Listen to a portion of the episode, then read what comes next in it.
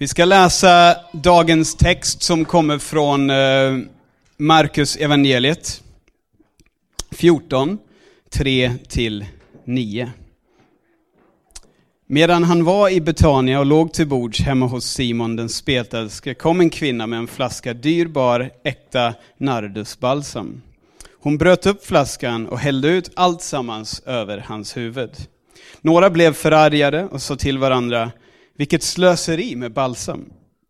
För den oljan hade man ju kunnat få mer än 300 denarer att ge åt de fattiga. Och de grälade på henne. Men Jesus sa, låt henne vara. Varför gör ni henne ledsen? Hon har gjort en god gärning mot mig. De fattiga har ni alltid hos er, och de kan ni göra gott mot när ni vill. Men mig har ni inte alltid. Hon har gjort vad hon kunde. I förväg har hon sörjt för att min kropp blev smord till begravningen. Sannerligen, överallt i världen där evangeliet förkunnas ska man också berätta vad hon gjorde och komma ihåg henne. Det här är Guds ord till oss idag. Varsågod och sitt och välkommen fram, Viktor.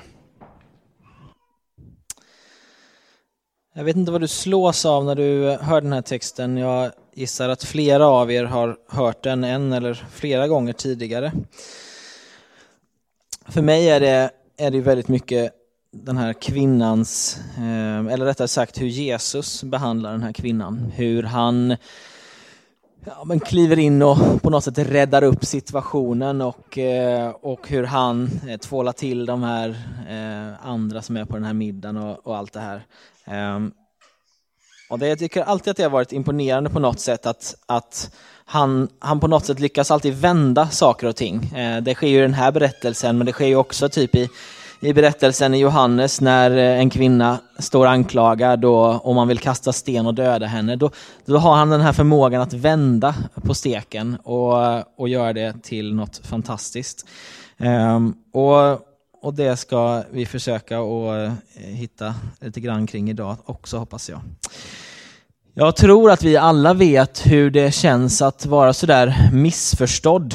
Eh, man kanske försöker förklara sig, men man gräver bara gropen djupare. Det blir eh, inte så att det blir bättre, utan man känner sig lite utlämnad, lite ensam. Och Lika fullt hoppas jag att ni på något sätt vet hur det är när någon annan då kommer till lite till ens räddning. När någon kommer och ställer sig på ens sida. Eh, när någon tar ens parti. Och förhoppningsvis så förstår den här personen typ min, min liksom utgångsvinkel, min, mitt perspektiv. Och dagens tema handlar om tro som behöver kämpa, men också om hur tron kan vara en drivkraft i kampen. Och Jag tänker att vi ska försöka se på den här kvinnan och den här berättelsen, hur hon blev utsatt för motstånd och därmed fick kämpa, men också hur hennes tro och hennes kärlek drev henne in i kampen. Den här berättelsen placerad i, eh, i, i, några av avslutningskapitlerna i Markus evangeliet. Och precis innan så, så finns det två verser eller tre, eh, där det står så här, det var två dagar kvar till påsken och det osyrade brödets högtid. Översteprästerna och de skriftlärda sökte efter ett sätt att kunna gripa honom med list och döda honom. Alltså, här har vi alltså överstepräster, människor som rimligtvis borde veta vem, eller har i alla fall har intellektuell förutsättning att klura ut vad den här Jesus håller på med, vem han är, utifrån att de kan se att det händer saker och, och, och, och sen känner de sig givetvis hotade och, och eh, sådär. Men, men någonstans borde de ändå haft förutsättningar att klura ut att det här är inte bara någonting vi släcker med att lägga locket på. Och likadant efter den här texten så, så står det så här att men Judas Iskariot en av de tolv, gick till översteprästerna för att förråda honom. De blev glada och lovade att ge honom pengar. Och också, också Judas hade ju liksom väldigt goda förutsättningar att veta vem Jesus var. Hade vandrat med honom i tre år, predikat med honom, helat med honom, ätit det brödet som Gud hade liksom gen, liksom, som Jesus hade förmerat genom sina händer. Alltså, allt detta, liksom, sett allting, hört allting och ändå ha alla förutsättningar men ändå negligera. Och sen mitt i allt då, mellan de här två berättelserna, så finner vi vår berättelse om den här kvinnan och hur hon, en kvinna som egentligen inte benämns på något annat sätt än en kvinna. Alltså det finns inget märkvärdigt, hon är inte skriftlärd, hon är inte lärjunge, vad vi liksom får från texten i alla fall. Hon bara dyker upp från ingenstans och har, men hon har förstått vem Jesus är långt mer än de här skriftlärda, långt mer än Judas. De religiösa ledarna, de tror jag var förblindade av hat. Judas, han ser tyvärr inte längre än sin egen besvikelse över att Jesus inte var den här nye kejsaren som skulle driva ut romarna. Eller möjligen så var han, eh, det är svårt, Judas är en svår karaktär att verkligen pin down, men eh, han kan också vara driven av eh, sin, liksom, sitt greed, eh, sin, sitt begär efter pengar. Det är uppenbart att han någon säger ju någonting om det här med, med att det är för mycket pengar att eh, hälla ut den här oljeflaskan, men Judas strax efter, han blev glad för att ta emot pengar. Och man misstänker att han inte tänkte ge dem till de fattiga. Så att det finns lite spänningar här. Men den här kvinnan, hon, hon kliver in mitt emellan och hon, hon smörjer Jesus, vi får nog, får nog förstå det som att hon smörjer Jesus till Messias, eller visar på något sätt, du är Messias. Och Jesus tar det här ännu längre och säger att du har smort mig för min begravning. Så helt plötsligt, så vi har helt andra perspektiv.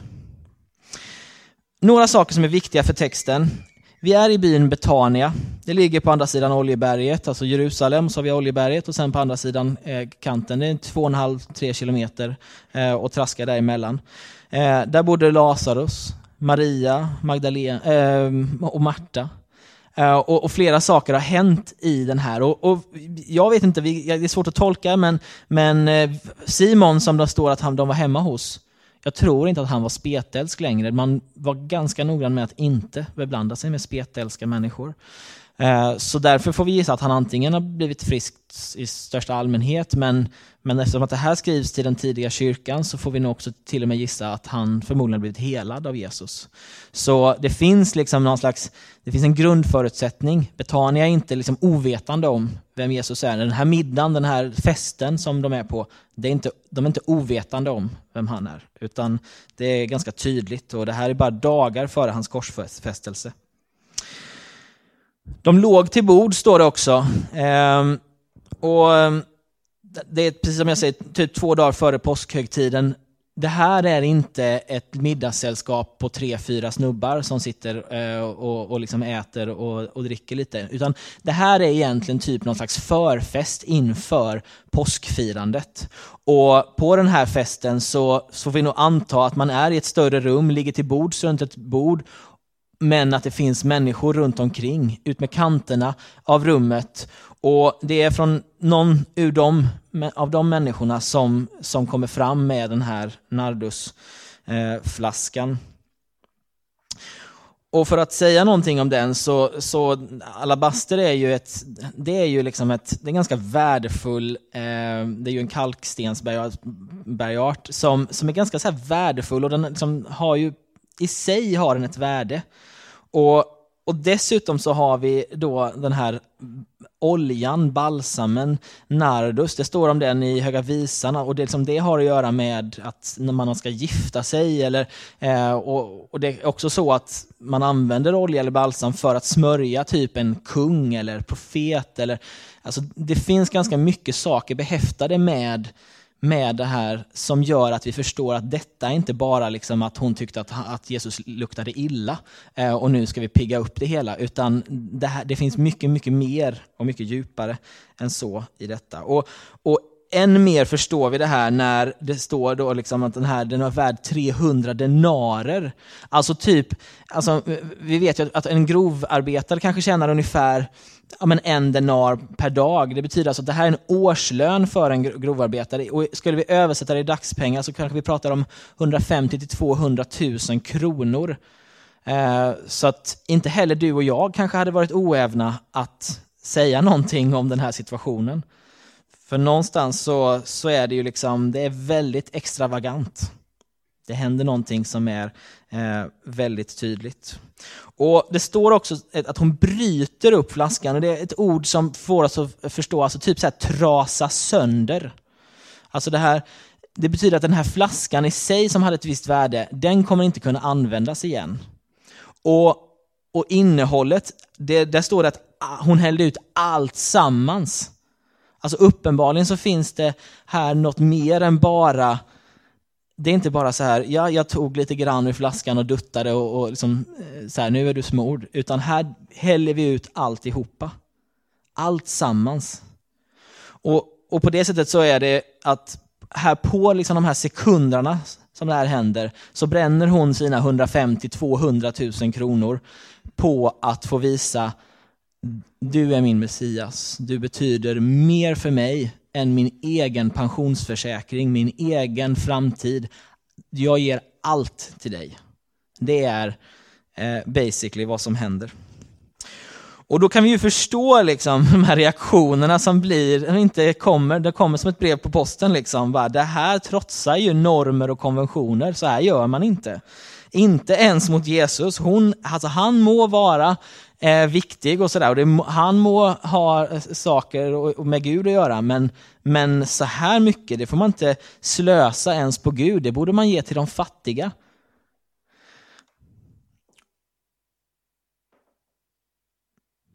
Det börjar viskas i det här rummet. De eh, pratar inte med Jesus, det står ju faktiskt ganska tydligt, utan de pratar med varandra. Och pratar om det här slöseriet som det här innebär. Och de fattiga minsann skulle ha fått pengarna istället. Och så börjar de gräla på kvinnan. Och ytterst sett så säger de ju egentligen så här att Jesus, du är inte värd det här. Det är ju, alltså för, för, folk, för de som grälar på kvinnan så är ju det den tydliga skillnaden. Vi tycker inte att du är värd detta. Och hon säger, jag tycker att du är värd detta. För mig är du värd allt. Och de bestämmer sig för att det här blir ett bra slagträ. Det här med de fattiga. Och det intressanta tycker jag är att när man tänker efter här så, så liksom det var förmodligen inte liksom bara eh, fattiga människor som var på den här middagen. För de pratar ju om att vi borde gett dem till de fattiga. Så det betyder att de sinsemellan, om vi bara, om vi bara höftar på att det ändå fanns några stycken här inne, så är det ju inte så att om de vill ge de här pengarna, typ motsvarande då 300 denarer, så kan de säkerligen samla ihop det bara på den här kvällen, bara sinsemellan. Så de fattiga är ju inte, det är ingen fair, liksom om, det är inte omsorg om de fattiga som det här handlar om. Detta är ju bara liksom ett tydligt slagträ mot Jesus och mot den här kvinnan.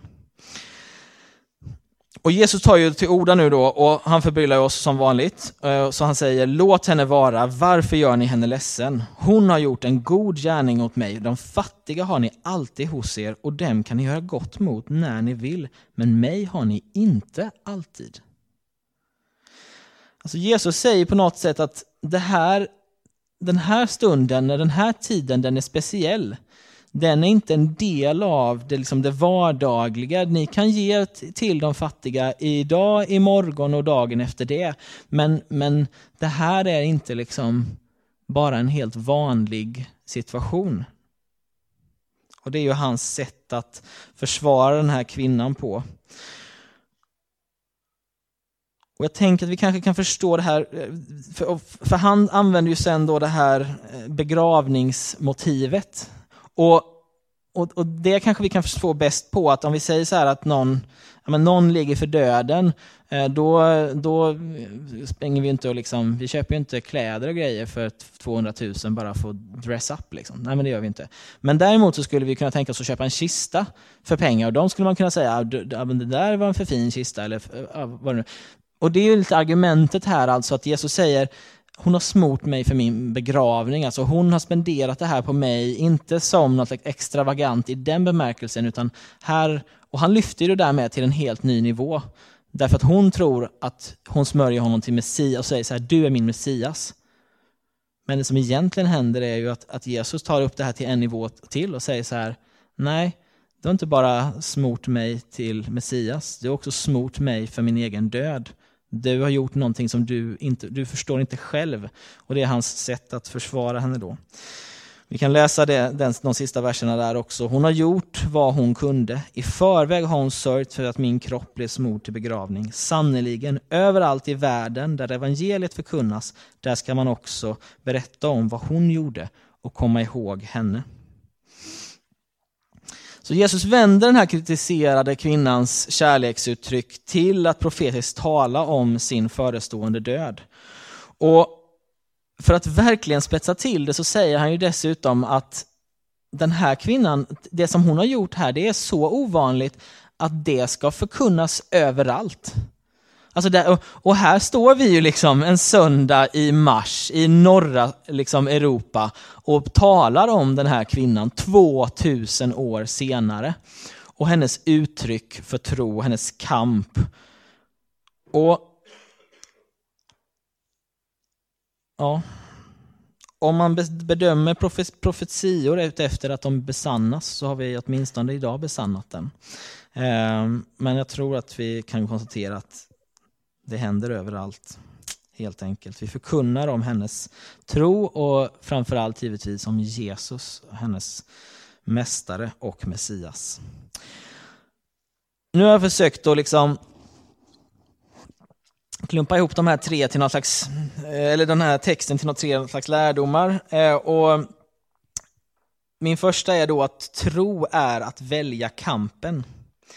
När vi tittar på sport eller, eh, och när vi tittar på fotboll så, så ser vi ju ofta eh, nu är det någon som häck, vill häckla mig för att jag eh, inte kollar på sport så ofta, men, men så mycket här mycket har jag plockat upp ändå. Att när vi tittar på det så vi ser perspektiv och vi ser liksom att där är en öppning i försvarsmuren, där kan du slå passen. Och men det spelar liksom inte någon roll egentligen, för vi sitter ändå på avbytarbänken eller vid tvn, utan det som spelar någon roll det är liksom vad spelaren ser. Det är spelarens erfarenhet och spelarens bild av spelet som, som i slutändan är värt någonting.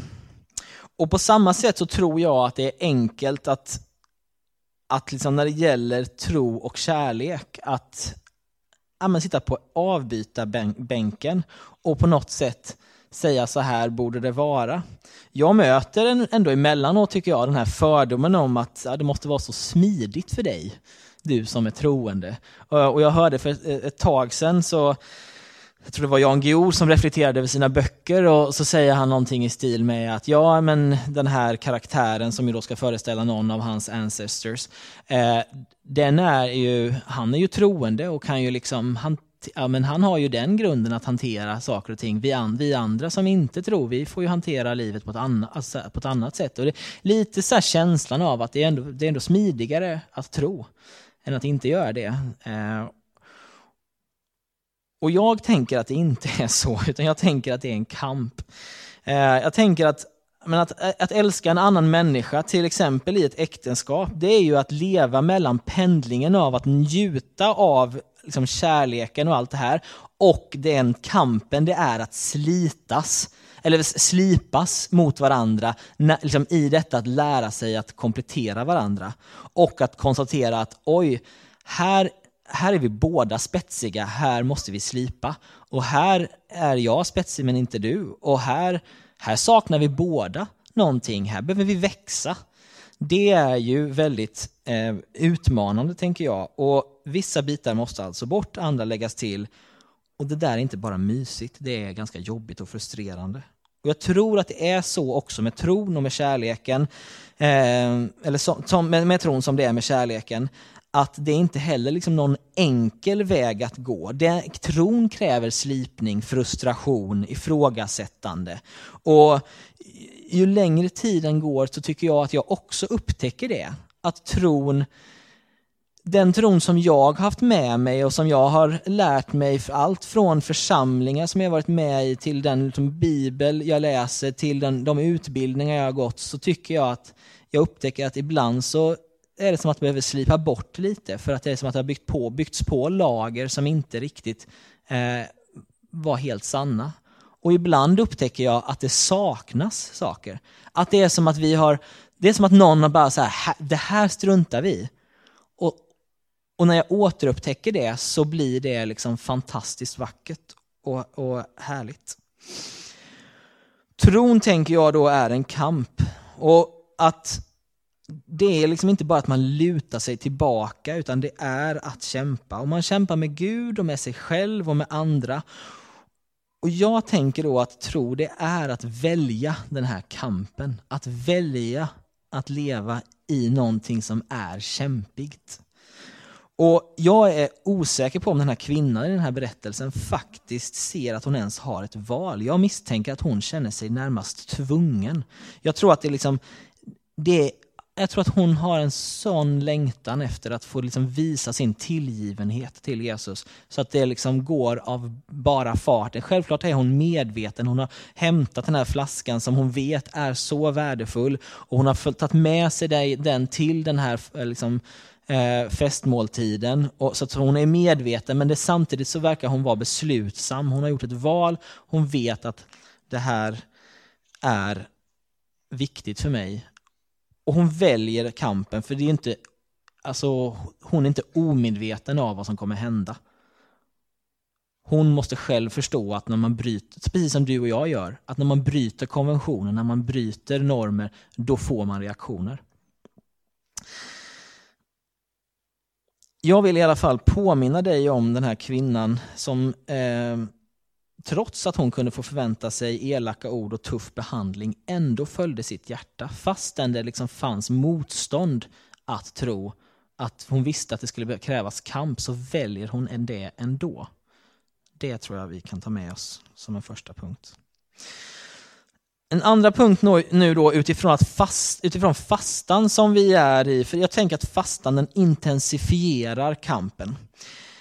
Fastan är den tiden då vi liksom ransakar våra motiv, vi prövar vår uthållighet, vi ger oss i kast med våra demoner eh, och det som jagar oss och inte vill lämna fastän vi tycker att vi så tydligt säger liksom, nej men stopp och belägg, nu går jag vidare här. Eh, men så enkelt är det ju inte. Och fastan är precis som tror jag, för den här måltiden för Jesus, det är ju en speciell tid. Det är ju inte vardag, det är ju en avsatt tid till något speciellt. Och Det är ju inte ovanligt att vi under fastan ifrågasätter oss själva, men också ifrågasätts. Och det kanske är mer vanligt, eh, det kanske inte är så att vi ifrågasätts jättemycket på det samma sätt som i den här berättelsen. Jag tror kanske att vi ifrågasätter oss själva eh, mer. Men när vi fastar då, då hör vi rösten, varför gör du det här? Tror du att du kan blidka Gud? Tror du att du kan göra någonting extra för honom? Nu blir du lagisk. Det spelar ingen roll om du gör ett litet avsteg, det är ju bara den här gången. Det, det är ju ändå inget ont. Och fastan är ju inte det. Fastan är ju att avstå från något gott generellt sett. Eh, till förmån för att säga att det finns, det här är gott, men, det, men jag gör detta till förmån för det yttersta goda, nämligen endast Gud själv.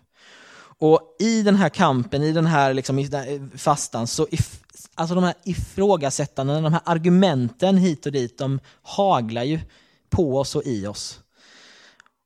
Jag eh, ja, jag, jag, jag hamnade i att jag var tvungen att... Man, Bibeln uppmanar ju att man inte ska säga så mycket om att man fastar, men jag hamnade i en situation där jag var tvungen att säga att jag fastar.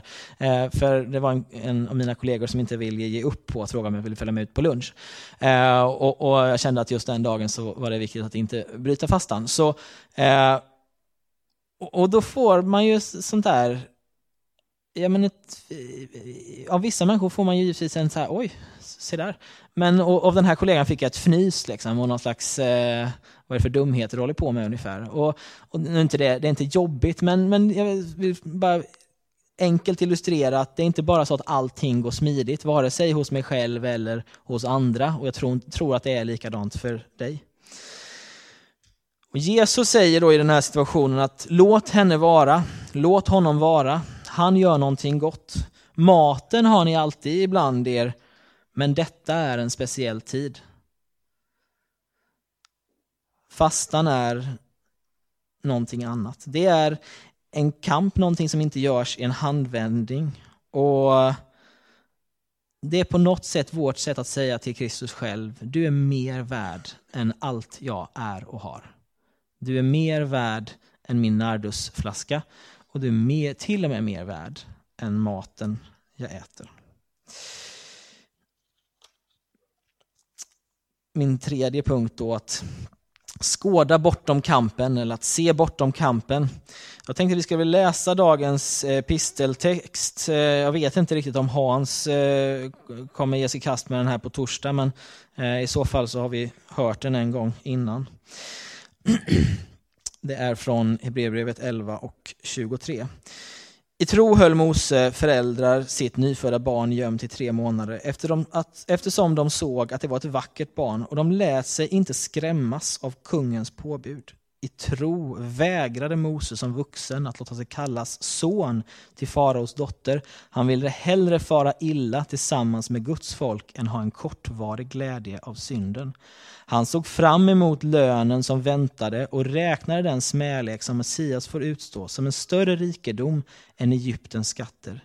I tro lämnade han Egypten och fruktade inte kungens vrede utan höll ut därför att han liksom såg den osynlige.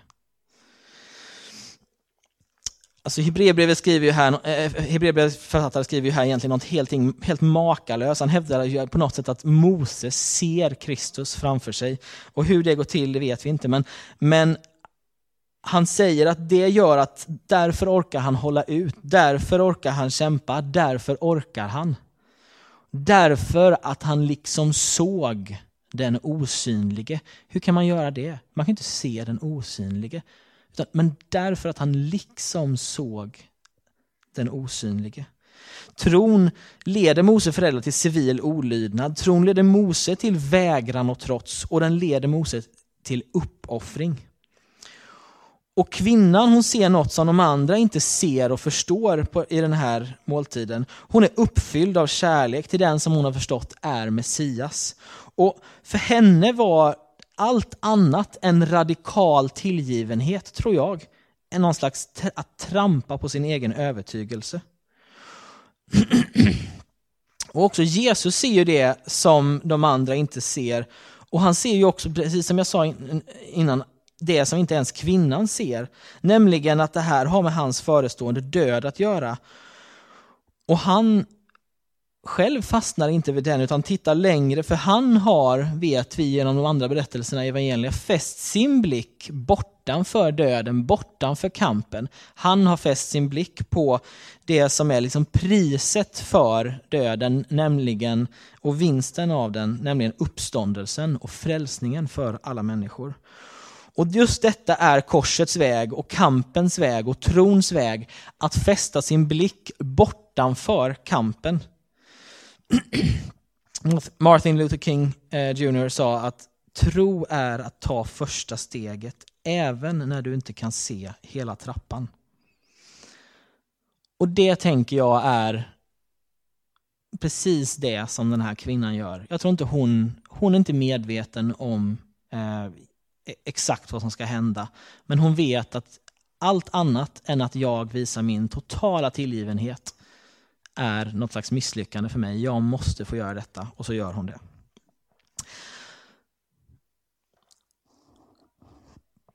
Jaha, vad gör vi nu av den här eh, texten då? Jo, för mig påminner den om tr att trons väg, det är inte bara a pie in the sky when you die, utan det är också en kamp en livslång kamp mot allting som drar mig bort från Jesus. Allt som vill få mig att luta mig tillbaka. Allt som vill få mig att tro att han har tappat i värde. Att han inte är värde. Och texten utmanar oss, tänker jag då, att inte vara bekväma utan orka kämpa. Orka hålla ut i fastan, orka hålla ut i tro på Jesus, orka hålla ut i sin kärlek. Och hur man gör det, det kan vi väl prata om tillsammans på något sätt efter. För det är utmanande. Jag tror han vill utmana vår bekvämlighet. Texten påminner mig också om att det är lätt att ha en institutionaliserad kärlek till Gud. En kärlek som sällan eller aldrig överraskar. Och jag tänker att den här texten den vill locka mig till liksom förnyad överlåtelse. Den utmanar mig att inte vara likgiltig utan att ge oss till Jesus själv, Gud själv, helt och fullt, all in, utan reservationer. Och det tror jag för många av oss är utmanande. För att genom åren som troende så tror jag att vi hittar någon slags pace där vi, men vi hittar någon slags grundstomme och den är jättegod. Men risken är att vi, liksom, vi, vi vill spärra av och sätta upp gränser också. Och säga att hit men inte längre. Och jag tror att, och för mig i alla fall, så utmanar den här texten mig att, att ha, våga ha en förnyad och kanske större överlåtelse till Jesus. Tredje, tredje nu då, vi läser ju den här i, fast, i fastan och den utmanar ju om det här med tro och fasta och hur tron intensifierar, eller hur fastan intensifierar kampen. Och jag tänker att en tro som ska, som ska få konsekvens, den måste uttryckas. Det måste vara en tro som låter Jesus vara speciell. Och jag tror därför att texten uppmanar oss att agera, att låta bli att liksom bara låta tron bli någonting fluffigt som max sitter hjärta, hjärna, utan jag tror att texten också vill utmana oss till att låta tron få handling i, genom våra händer och genom våra fötter. På ett liknande sätt som den här kvinnan som bryter konventioner, bryter normer och bara gör för att hon känner jag bara måste få göra. Det tror jag också texten vill säga oss. Och sist eh, fyra. Texten påminner mig om att, det kräv, att för att tro så krävs det att se mer än det ögat ser. Man måste se bortom det som är här och nu, precis som Jesus gjorde. Han såg bortom sin korsdöd.